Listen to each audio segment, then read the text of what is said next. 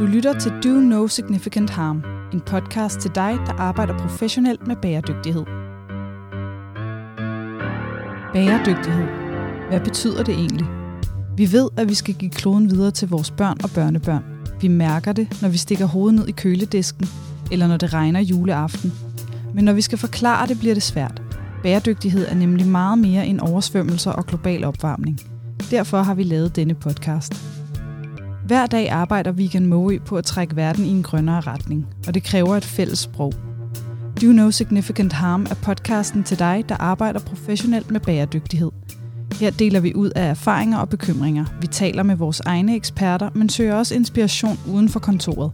Altid med henblik på at gøre os selv og dig klogere.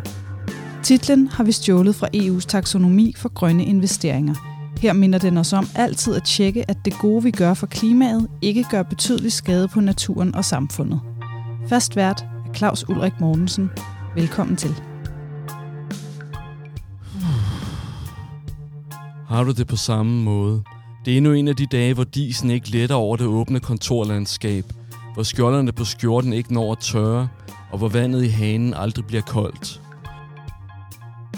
Vi har lyttet til den danske sommer og flytter podcasten ud i solen.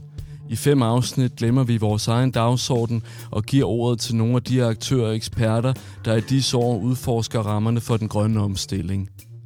Vi starter med professor og leder af Sustainability Science Center på Københavns Universitet, Catherine Richardson. Jeg fangede Catherine i et sjældent åndehul mellem debatterne på årets folkemøde og stillede hende et enkelt spørgsmål. Hvordan går det egentlig med den grønne omstilling? Velkommen til. Jeg hedder Catherine Richardson, og jeg er professor på Københavns Universitet, hvor jeg også leder Bæredygtighedscenter Sustainability Science Center. Mit fagområde egentlig er, at jeg startede som, som biologisk oceanograf, men jeg har de sidste mange år arbejdet på uh, Earth System Science, at forstå jorden, uh, og hvordan det er interaktioner mellem menneskelige aktiviteter og de mere naturlige processer, egentlig danner vores forhold her på jorden. Og øhm, Catherine, hvis du skulle, skulle prøve at give et, øh, et svar på, på sådan det, det helt afgørende spørgsmål, hvordan det går med den bæredygtige omstilling af, af samfundet her sommeren 2023, hvad, hvor, hvor står vi nu her? Det bæredygtige omstilling af den danske samfund er dårligt nok begyndt. Altså vi fokuserer meget på, på energi, og alt taler om CO2 og energi, men i virkeligheden er det kun en meget, meget lille del af, af, af bæredygtig omstilling. Bæredygtig omstilling betyder, at vores efterspørgsel for jordens ressourcer, den bringes inden for udbud.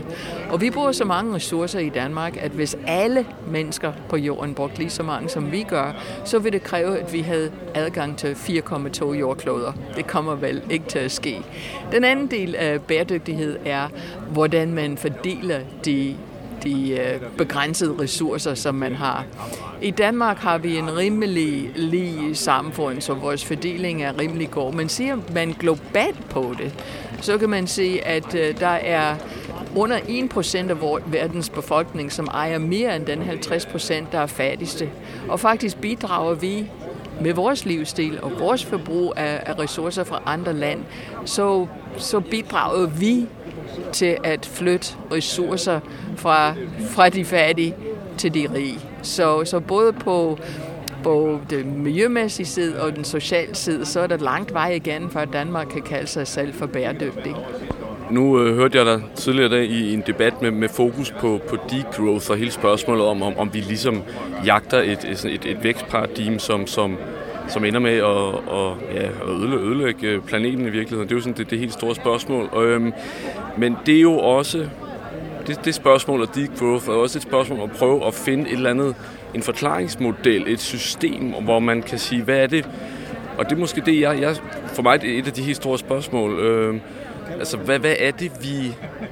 Hvad er det, der skal være vores rettesnor i at, at skabe et mere bæredygtigt samfund, hvor, hvor vi undgår, at, at, at jorden ikke er, er, er særlig fed at opholde sig på om, om, 100, øh, om 100 år. Altså, hvad er det, der skal være vores rettesnor? Hvordan skal vi organisere det? Hvordan, hvad er det, der skal sikre os, at vi kommer i mål? Hvad skal vores milepæl være? Alt det der. Hvad, hvad, hvad, hvad, hvad ser du der? det skal ikke, du siger, om 100 år. Jeg har lige læst, at 34 mennesker i et område i, i Indien er lige død, fordi det er for varmt, og alle mennesker over 60 år er advaret om ikke at gå udenfor lige nu i det område. Så det er ikke sådan, at vi skal vente 100 år, før der er steder på, på kloden, hvor vi ikke kan bo, altså på grund af de forandringer, vi er ved at skabe. Men jeg tror, at det største og vigtigste ændring er, at øh, vi nu har vi som vores store Gud i samfundet penge. Vi tror, at det hele handler om penge. Men i virkeligheden, vi, ligesom alle andre organismer, er afhængige af jordens ressourcer. Der er ikke nogen organismer på jorden, der ikke bruger jordens ressourcer herunder os. Og det er jordens ressourcer, der er vores ægte valuta. Vi kan ikke bo i penge, vi kan ikke spise penge, vi kan ikke tage penge på for at holde os varme. Så vi er nødt til at anerkende, at penge er ikke det, vi skal jagte. Det er ikke det, der er, er det vigtigste for, for os. Det er vores brug af jordens ressourcer. Derfor, jeg var måske lige til Rasmus Modsat i den debat, som du refererer til, fordi jeg synes, det er så uendelig uinteressant, om vi fokuserer på degrowth eller ej. Fordi at øh, det økonomiske system er et menneskeligt konstrukt, og hvis vi fik priserne rigtigt i vores økonomiske modeller, så vil du ikke se en kontinuerlig øh, forøgelse af, af BNP, fordi altså, altså, vi bruger jordens ressourcer, og hvis vi havde en pris på alle de ressourcer, vi bruger, så vil vi forhåbentlig komme i en økonomi, som, som er i balance, men så er det et spørgsmål om at få de rigtige, øh, de rigtige priser. Så jeg synes, jeg synes et stort fokus om at lave om på vores økonomiske system er uinteressant. Vi er nødt til at, at gå helt til hjertet af problemet, og hjertet af problemet er vores brug og smid væk økonomi og, og kultur. Og det bliver vi simpelthen nødt til, til at ændre. Naturen, naturen har levet med begrænsede ressourcer i 2,5 milliarder år. Vi har fundet ud af, alle andre organismer har fundet ud af, hvordan man gør det. Det arrangerer sig i økosystemer, og i de økosystemer produceres det ikke affald. Men, men vi tror, vi er alene. Vi anerkender ikke, at vi er en del af en større økosystem, og det bliver vi altså nødt til. Og vi kan se det også i den måde, vi taler om den grønne omstilling. Vi taler om løsninger, og vi taler nu om at fange CO2 og begrave det, det vil sige bruge og smid væk endnu en gang.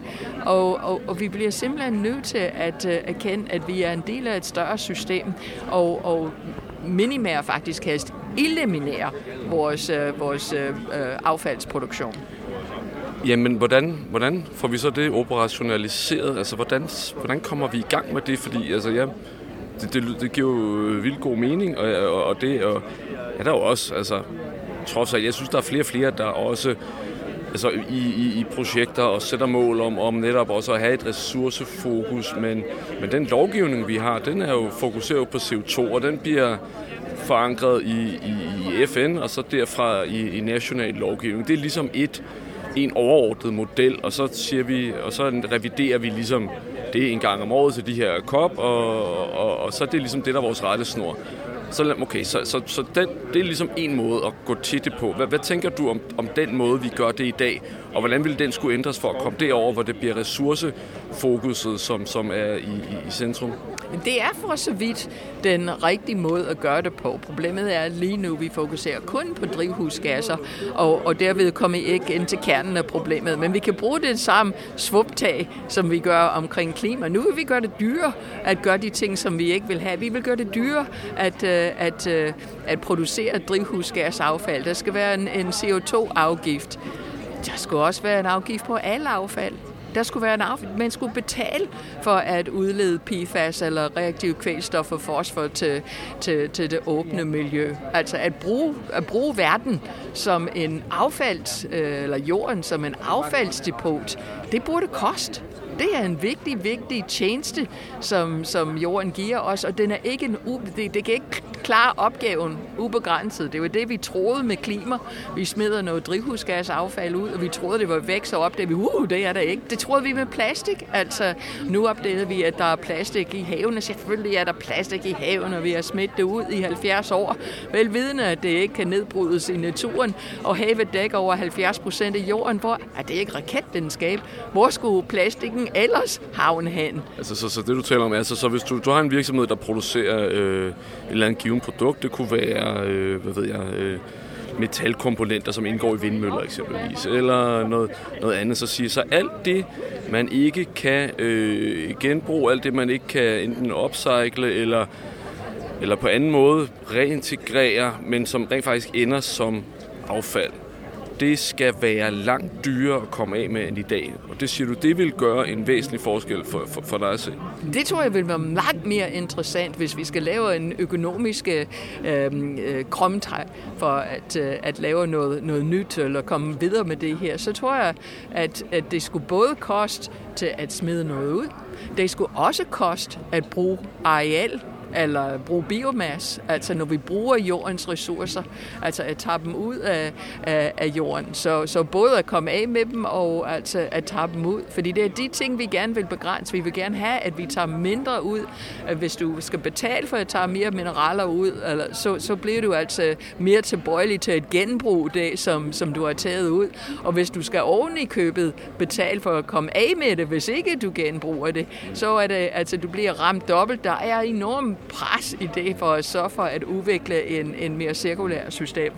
Men, men rigtig mange virksomheder er jo, er jo sådan set i dag ret gode til at genbruge deres, og de gør det jo så primært af, af økonomiske årsager, simpelthen fordi det godt kan betale sig. Men altså, er det i virkeligheden ikke også rigtig meget af problemet ligger jo også på, på forbrugersiden, fordi hvad betaler du? Man betaler en afgave, affaldsafgift, du ved, via sin ejendomsskatter, men det er jo forsvindende få point, og derudover så får du Altså, så, så det også, altså, tænker du også i forhold til forbrugerne, altså, at, at det skal være meget dyrere? At komme af med sit skrald helt ned, altså også på forbrugerniveau, for at hvis, hvis det her skal, skal, skulle kunne flytte noget? Jamen det synes jeg bestemt. Altså det, det, det her er en samfundsmæssig opgave. Altså ansvaret ligger hele vejen rundt, og vores problem er, at vi tager for meget ud af jorden, og vi putter for meget affald ind. Og det er vores allesammens ansvar at, at reducere helst. Vi vil aldrig eliminere det, vi egentlig tager ud af, af, af systemet, fordi alle organismer lever af at bruge jordens ressourcer, men vi skal bruge de ting, vi tager ud så effektivt som overhovedet muligt, um, og, og sørge for, at der også er plads for, for, for naturen, og det er derfor, jeg siger, at det skulle også koste at, øh, at tage areal for naturen, eller, eller um, altså at tage energi for naturen, fordi det gør vi egentlig, når vi bruger biomasse for eksempel. Det, altså vi ved fra grundskål, at uh, alle, alle livets fødekæder, både på havet og på landjorden, de, uh, altså de får deres energi i første omgang fra, fra de planter, der fanger jorden, solens energi. Og når vi tager de, de, den biomasse, som, som bliver produceret af de planter, øh, så er der altså ikke noget for, for resten af, af, af livet at, øh, at leve på.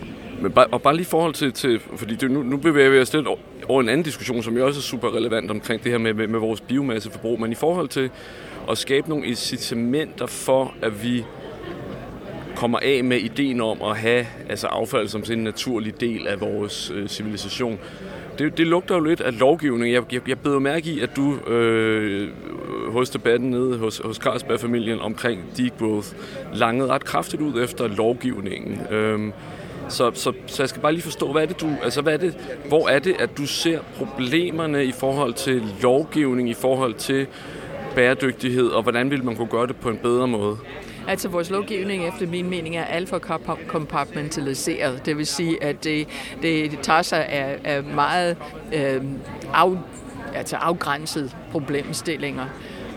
For eksempel, nu har vi et klima, en klimalov, og, og i loven står det, at formålet er at reducere vores udledning. Og så kommer der med ni guidende principper allerede i det første afsnit, og de handler alt sammen om vores økonomi. Det hele skal være så billigt som muligt, og det skal ikke påvirke altså offentlige finanser, altså på en for negativ måde. Det skal ikke få jobs til at flytte til udland, og det skal ikke være konkurrence for og for dansk virksomhed, og jeg kunne blive ved. Der er ni af dem.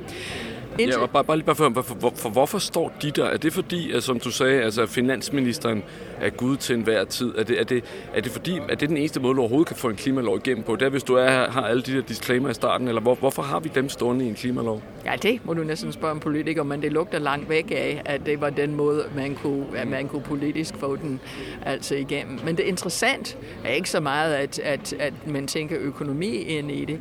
Det interessante er, at uh, naturen optræder overhovedet ikke i den lov. Og det er interessant, fordi over halvdelen af vores grøn energi kommer fra biomasse, som er trods alt skulle have været naturens energikilde og vi bare bruger det uden at nævne altså, altså naturen i loven. Nu taler vi godt nok i Danmark om at lave en naturlov, men så har vi klima i et hjørne, og så har vi natur i et andet, og så har vi en frygtelig masse lov, hvor vi går ind og regulerer forskellige øh, øh, øh, virksomheder eller virksomhedsaktiviteter. Vi burde egentlig, øh, hvis vi virkelig erkendte, at vi er en del af en større økosystem, altså jordens økosystem, så burde man indbygge klima og, og, øhm, og natur og endda social hensyn i, i alle vores lovgivning. Altså vi skal tænke mere systemisk om de interaktioner, vi har med, med, øhm, med de aktiviteter, vi forsøger at regulere hele vejen rundt, ikke kun inden for den enkelte sektor. Men det vil sige, men det har vi jo allerede jo. Øh, altså nu tænker jeg eksempelvis øh, på, på EU-taksonomien, ikke? Øh, som jo netop har det her do no significant harm-princip. Det er jo lidt eller det, det vil sige, så du kan ikke... Altså, så er der nogle, nogle, nogle ting, der bliver svære for dig at gøre øh, som virksomhed, eksempelvis hvis, hvis, hvis der er en dokumenteret skadelig effekt på det. Er det, er det noget, eller det, eller hvordan vil man skulle tu, turnere det, eller gøre det, fordi det kan godt nok blive en, en, en administrativt tung ting, ja. og, og, for vi screener netop efter allerede alle mulige ting, allerede når vi laver lov, ikke? Altså, hvordan, hvordan skulle vi få det her ind, du beskriver, på en måde, hvor, hvor det ikke altså, bare drukner i byråkrati? Det er super interessant, at du bringer EU ind i det her, fordi netop EU-taksonomi og altså Fit for 55 og den biodiversitetsstrategi, som de er ved at forhandle lige i øjeblikket, og, og taksonomi version 2, som, som også skulle tage andre ting end klima ind i det, de er faktisk meget mere ambitiøse end den danske lovgivning, og det er faktisk noget af en, altså Øh, en, øh, øh, det, det, det trykker Danmark til at, at være lidt mere. Jeg, jeg tror altså, at vi bliver nødt til at opdatere, opdatere vores lovgivning for at være mere i, i, i hak med, øhm, eller i synk med, med EU ambitioner og lovgivning. Nu er det helt ikke lovgivning endnu. Men altså bare, bare tage klima for eksempel. Det er faktisk ikke sikkert, hvis vi opfølger de krav, der er i de, de målsætninger, der er i den danske klimalov. Det er faktisk ikke givet at vi opfylder EU-krav. Så du har ret, der er, der er, det er en jungle, fordi der er mange krav, man skal forholde sig til. Men efterhånden tror jeg, at Danmark bliver tvunget til at bringe sin lovgivning i, i harmoni med, med, det, med EU. Nu er du også inde og pille lidt ved, ved vores selvforståelse som, som land, og nu, det har jeg aldrig spurgt om, er du kommet til Danmark på et eller andet tidspunkt i dit voksenliv, eller er født og opvokset i England egentlig? Eller? Nej, jeg, jeg vokset op i USA, okay. men, øh, men øh, læste Ph.D. i England, og der traf jeg en dansker, så jeg har faktisk boet i Danmark nu i 40 år, og jeg er en stolt dansk øh, borger. Men, og, og pointen med det spørgsmål er, fordi i Danmark har vi jo altid haft den her fortælling om, at vi er verdensmester i, i, i grøn omstilling. Når man har så stor indsigt i det område her, som du har, hvordan har det været at høre på den fortælling, og især når, når, når, når du netop er, er rundet altså af, af USA, og altså af det her, men altså, så, så er det også nemmere ligesom at se måske nogle af de her sådan lidt, uh, lidt selvforherligende fortællinger, som vi godt kan lide at fortælle om os selv. Hvad, hvad, hvad tænker du om det? Altså? Jamen altså, jeg tænker, at, øh, at det er sandt, at Danmark er rigtig, rigtig god, når det kommer til at afkoble vores energiforbrug for vores BNP. Og det er der ingen tvivl om. Mest, eller, øh, dels fordi vi er, vi er gode til at uh, lave energieffektiviseringsteknologier, og dels fordi vi er faktisk også gode i, i øh, vedvarende energi, men også fordi vi har outsourcet en del af vores produktion til, til, til andre lande. Men vi er faktisk et af de lande, der har været allerbedst til at, øh, at få vores energisystem altså over på mere grøn. Der er stadig langt vej igen, men altså, så det gør vi godt. Og vi er også nok det land, som suveræn har været bedst til at tjene penge på den her dagsorden. Altså, det er derfor, vi kalder os selv for en grøn leder. Men, men vi er nødt til, bare nødt til at indse, at det her er meget mere, det handler meget mere om energi. Og hvis du ser for eksempel på vores diæt i Danmark, altså den er 45 procent mere klimabelastende end, end den globale gennemsnit, så kan du sige, at ja, men der er mange mennesker i verden, der ikke spiser kød, og det gør vi. Men den er også mere belastende end, end den gennemsnitlige europæiske diæt, fordi vi spiser så meget kød. Vi er heller ikke verdensmester i, i, i energieffektivisering i vores egne bygninger. Vi er heller ikke verdensmester i, øh, i genbrug. Altså, så, så der er rigtig mange steder, hvor, hvor, hvor vi egentlig, altså vi, vi er blandt de alle værste i verden, når det, når det, når det gælder ressourceforbrug, altså som jeg nævnte tidligere. Så, så det er, det er um, men, det, hvad, hvad det billede er, det billede er at øh, jeg, jeg, jeg vil aldrig, aldrig um, tage fra Danmark, at det har været rigtig, rigtig god til det her med energi, hvor, det, hvor, hvor man først fokuserede. Men det, der gør mig ondt, det gør ondt hos mig, er, at Danmark, at den danske forståelse er til synlandet ikke kommet dertil, hvor den erkender, at, at bæredygtighed, grøn omstilling, er så uendelig meget mere end nu energikilder, og, og vi har virkelig et stort arbejde på mange områder nu. Du lytter til Do No Significant Harm. Men, og så kan jeg godt tænke, fordi du hører jo aldrig en regeringsbærende øh, minister eller parti i virkeligheden ikke tale Danmarks førerposition op. Det er sådan noget, man kan tale om, når man er i opposition. Så det er også derfor, nu vil du også, se, nu her ser vi jo Socialdemokratiet, øh, og ja, selvfølgelig med, med den samlingsregering, ligesom på cross the board, så, så forsvarer vi ligesom, at, at Danmark er super gode.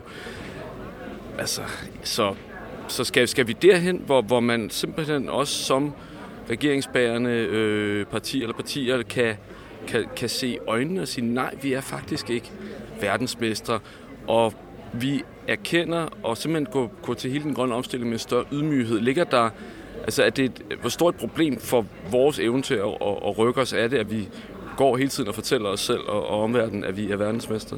Jeg mener, det er en enorm bremseklods, at vi har det narrativ, at vi har. For det første, at vi kommer aldrig til at skulle gøre noget anderledes. Vi får nogle teknologier, der redder os ud af alt det her. Og, og selv hvis vi vil putte en afgift på kød, det er ikke meningen, at man skulle spise mindre kød. Altså, jo, det er det. Det er det, vi bruger vores afgifter til, til at prøve at regulere adfærd.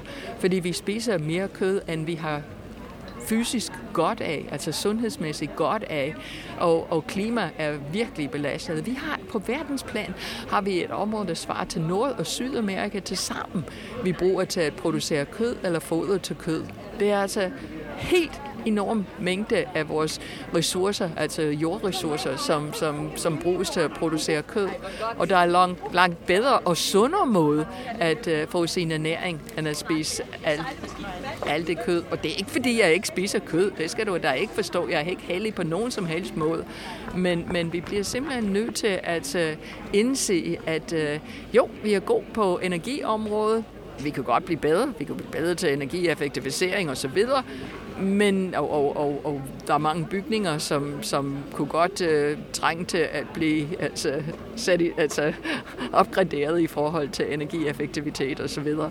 Men, men der er også andre områder, hvor vi virkelig, virkelig har et stort arbejde. Men det er lettere for os alle sammen at tale om det, vi er god til, end det, vi er ikke god til. Men hvis vi skulle tage verdensmålene alvorligt, eller hvis vi skulle virkelig ønske at, øh, at øh, løse det her krise, eksistentiel krise, vi står overfor, at vi bruger den, nat- den kapital, den naturkapital ved vores klima og vores biodiversitet. Vi bruger det, der betaler for festen. Det vil sige, at saldoen i banken er for nedadgående, og vi ved alle sammen, at vi kan fest så længe, altså selve saldoen i bankkontoen er for nedadgående. Vi kan bare ikke gøre det evigt. Og det er den situation, at vi har vores samfund, ikke kun i Danmark, men verdens samfund har bragt sig selv i. Og, og for at kunne sørge for at, at rette op på en bank, konto, som hvor saldoen er for nedadgående, så er man nødt til at tænke sig om. Så er man nødt til at bruge mindre penge. Så er man nødt til at, at, at, at, at, at lave om på de ting, man, man, man, man, i hvert fald hvordan man gør ting. Ingen af os vil bruge flere penge end højst nødvendigt for at købe en vare eller en tjeneste, men vi bruger alle sammen flere ressourcer, end nødvendigt er for at opretholde vores levestandard. Og jeg synes, jeg synes virksomheder er enormt interessante spillere i alt det her, fordi det, det gør os som individer rige, det er adgang til energi, fødevare, vand, altså materialer til vores forbrug eller infrastruktur. Og stort set alt, hver gang vi, vi efterspørger de ressourcer, så er der altså den infrastruktur, hvor igennem vi går for at, at hente dem ud af, jord, af, af, af verden eller jorden, de er i private hænder, så der har du virksomheder. Så det er virksomheder, som står med hånden på, på håndtaget. Altså, de, de kan altså kontrollere, hvor meget tager vi ud af jorden, og hvor meget affald putter vi tilbage. Selvfølgelig skal politikere lave nogle rammer, der gør, at de kan godt se en, en fordel i at minimere det der udtag og udsmed. Men det er faktisk virksomheder, der sidder med nøglen til bæredygtighed. Ja, og, og, men bare lige for at opsummere, inden vi, jeg kunne godt tænke mig også lige spørge ind til, til konkret til det, men, men, men så, så som jeg forstår det, så, så siger du, at, at vores udfordring lige nu er, at vi, altså på en helt stor skala, vi har taget naturen som øh, for givet. Vi har taget ressourcerne for givet. Vi, vi savner en helt fundamental ydmyghed i forhold til vores plads i det globale økosystem. Det, at vi har et fokus på vores energiforbrug, har haft det i Danmark, har det lige nu, altså i FN-regi med øh, Kyoto-protokollen osv., er fint nok, det er bedre end at det ikke var der, men der er brug for et, et, et, et, et, et, altså et globalt forankret fokus, øh, som, og det er sådan den overordnede, den, det, det er ligesom én ting, og, og så siger du, så, ja, så, så, så bare lige, så, så hvordan skal den helt konkret løftes ind? Hvis du kunne være øh, for, øh, generalsekretær i FN, eller hvis du kunne lede den næste COP, altså hvordan vil du sørge for at skabe et eller andet afsæt for at, at komme så rent faktisk videre med den dagsorden? Jamen altså rent faktisk er der allerede altså, øh, FN rapporter, der peger på den her problemstilling. Men, men vi får aldrig, vi har ikke, og vi ønsker ikke en global myndighed. Så du får ikke en global beskatning på de her ting, men vi skal bruge vores økonomiske system, det er klart. Og grunden til, at vi siger det, vi kalder for vækst, er, at vi ikke har sat en pris på det, det betaler for altså de omkostninger, der er ved at skabe det der, at få penge til at flytte rundt i vores, vores samfund. Og det er derfor, folk taler så meget om degrowth og så videre. Jeg synes bare, det er så langt væk fra der, hvor problemet ligger, at, at jeg gider ikke bruge min tid på det. Men, men vi har ikke en global myndighed, der kan beskatte ting, og derfor skal de enkelte land lave de økonomiske øh, forhold, der gør det. Og det, det er problematisk, fordi så du ser, altså værv, der siger, uh, her, bare, uh, her, bare vi får en level playing field, uh, vi vil gøre hvad som. Men hvem skulle altså give en global skat? Det kommer ikke i FN. Det er ikke det, vi har bygget FN til. Så du får aldrig en level playing field. Og den undskyldning, at vi vil gøre hvad som helst, bare at andre skal gøre det også, er ligesom at sige, at vi vil aldrig gøre noget som helst. Men, men det er jo så her EU, både med, med, med taxonomien og med, med CSRD og og, og andre bæredygtighedsregulerende øh, initiativer faktisk er med til at skabe en, en level playing field. Og der, som jeg forstår dig, der siger du med den kan virksomhederne bruge det som løftestang til virkeligheden og, og, og, og, og, og, og gå foran og også vise, politikerne, mens for mænd, der er jo, man tøver jo, og, og hvis vi lægger afgifter for biomasse, hvis vi, altså så har vi, så ligger Danmark lige pludselig elendigt, hvis vi øh, begynder at regne det med i vores CO2-udslip og vores import og alt det der. Så man er ikke klar politisk til at ændre på grundfortællingen, og der kan virksomhederne gøre noget imens, som så trods alt trækker det i den rigtige retning. Og hvad er det helt præcis, de så kan gøre? Altså, de skal regne med, at, øh, at den pres på øh, og, og omkostninger ved at bruge jordens ressourcer og ikke genbruge dem, vil blive mere og mere, eller blive højere og højere over tid. Og derfor kan man bedst polstre sig mod fremtidens øh, øh, øh, ændringer ved at allerede nu begynde at, øh, at tænke på de ting på at være så effektiv som muligt i sin ressource i sin ressource øh, anvendelse. Og så er det altså også et spørgsmål selvfølgelig om, om øh, altså, vi, ja, vi har lært at være eller vi ved i hvert fald, hvordan vi skal være meget effektive med vores energiforbrug. Men vi bruger stadig altså mere energi, end vi gjorde før. Så, så vi har ikke mistet øh, noget, fordi vi bruger de ressourcer mere, mere effektivt. Og derfor, derfor altså, øh, det, der hvor vi skal starte, det er simpelthen så for, at vi bruger alle jordens ressourcer mm. så effektivt som overhovedet muligt. Men, men er der blandt virksomhederne en forståelse for den her brændende platform? Altså er det dit, dit indtryk af virks... Fordi når, når virksomheder skal gå foran, så skal det jo være skal du være drevet af altså en, en forventning om et, et, et payoff. Og noget af det, jeg øh, ligesom erfarer gennem arbejdet øh, med, med mange virksomheder, er, at de lige nu ikke nødvendigvis synes, at de får øh, smæk forskelling, så at sige, når de gør noget mere, end, end man forventer af dem. Jamen, det er meget forskelligt, fordi det er rigtig store virksomheder, der har, har overskud til at kigge på, altså hvordan vil de se ud om 30-40 år. Jeg kan helt så sige, de forstår det. Der er altså en grund til, at øh, Mærsk laver sin skib som cradle to cradle. Det er ikke billigere altså, end de andre, men de, de tror, altså, når, de, når de skibet opråber som om nogle årtier, at, at de vil, det, det vil være til deres fordel. Så de rigtig store virksomheder, som er velpolstrede og godt kan, kan investere i det her, de forstår det. De mindre virksomheder er selvfølgelig et helt andet sted og har en aftale med banken om, og har måske ikke, selv mange af dem forstår det, men altså kan ikke rigtig komme i gang. Og jeg synes, jeg synes det er sindssygt uheldigt, den, den, den måde, vi, den der diskussion eller diskurs, der er altså kommet op i samfundet omkring en afgift på landbrug. Jamen, landbrug er den eneste af vores øh, erhvervsområder, der ikke har en CO2-beskatning, regulering på nogen måde. Mm. Altså, hvorfor skulle de være anderledes end alle andre? Men det er klart, når vi kigger på, på økonomien i landbrug, så er der rigtig mange af dem, der ligger lige på vippen. Og hvis du putter et ekstra omkostninger på det, så vil det få dem til at gå nedenunder hjem, lige som alle folk siger.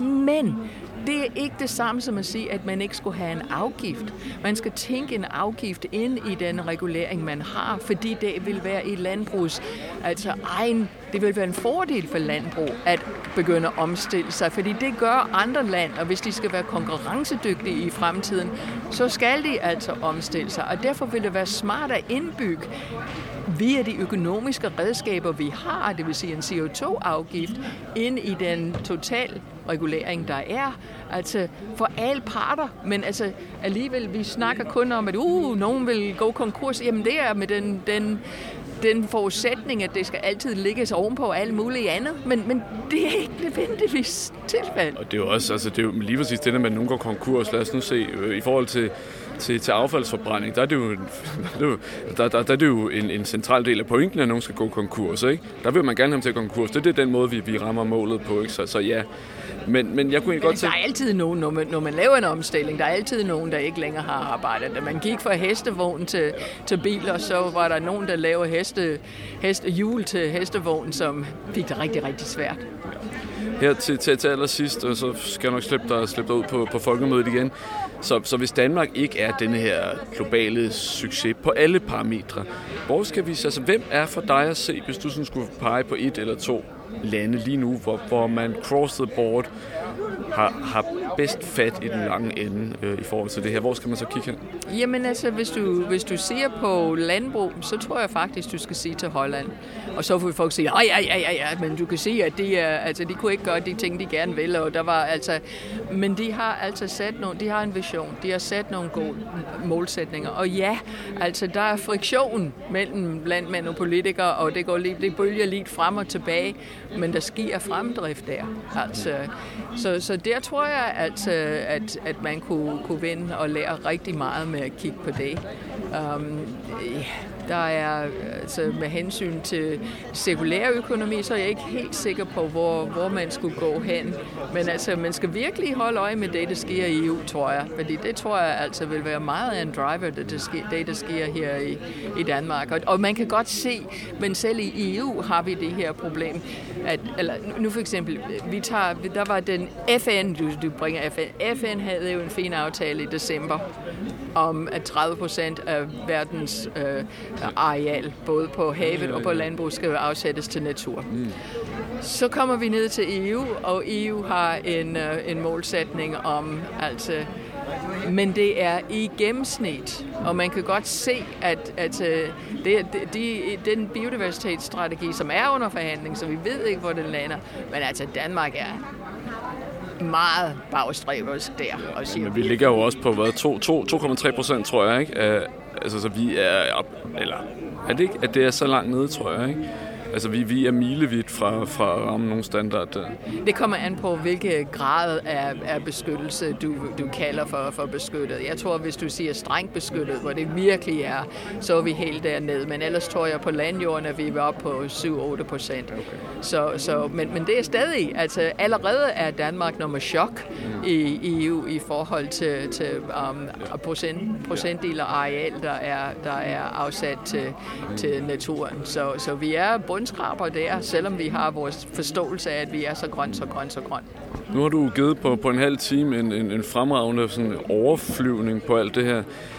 Er du, eller når man lytter til det her, skal man så forlade den her podcast øh, som optimist eller som pessimist eller som realist? Hvor, hvor, hvad, hvad, hvad tænker du egentlig sådan budsk, eller hvad er øh, grundstemningen i, i, i dit budskab? Grundstemningen er for det første, at jeg er optimist, fordi jeg tror, altså jeg kan simpelthen ikke forestille mig, at menneskeheden vil være så dum, altså at ikke, ikke agere efter den viden, som vi trods alt nu har på det her område. Altså, det vil være, det vil være for, for idiotisk. Så, så jeg er optimist, men den grund budskab, som jeg gerne vil have, at folk tager hjem for det her, er, at, at, at bæredygtig udvikling er meget mere, og grøn omstilling er meget mere end bare at lave om på sin energiform. Og det handler om vores kultur, det handler om vores narrativ især. Og hvis ikke vi laver narrativ om omkring vores forhold. Vi skal forvalte, for samme måde som vi forvalter vores forhold til, til lokale ressourcer. Vi løste aldrig det problem. Vi har gjort det, siden vi start, begyndte at bo ved en fast adresse. Altså, vi bliver nu, fra nu af og i al evighed, bliver vi altså nødt til at, at forvalte vores forhold til de globale ressourcer. Og, og vi skal bare finde nogle, nogle metoder at gøre det, og det er ikke løsninger, det er redskaber. Jeg tror ikke, at vindmølle er en løsning. Jeg tror en dag, at vi bliver lige så klog som planter. Men det er at kan bruge solens energi direkte, i stedet for efter den har bevæget noget, noget vind og noget luft rundt. Men lige nu er vi ikke så smart, og så bliver vi nødt til at bruge vindmøller. Men jeg tror og håber på i 2050, at det er unødvendigt, fordi vi er blevet bedre til at, eller vi har lært at udnytte solens energi direkte. Du har lyttet til Do No Significant Harm, en podcast til dig, der arbejder professionelt med bæredygtighed. Podcasten er produceret af Vegan Måge.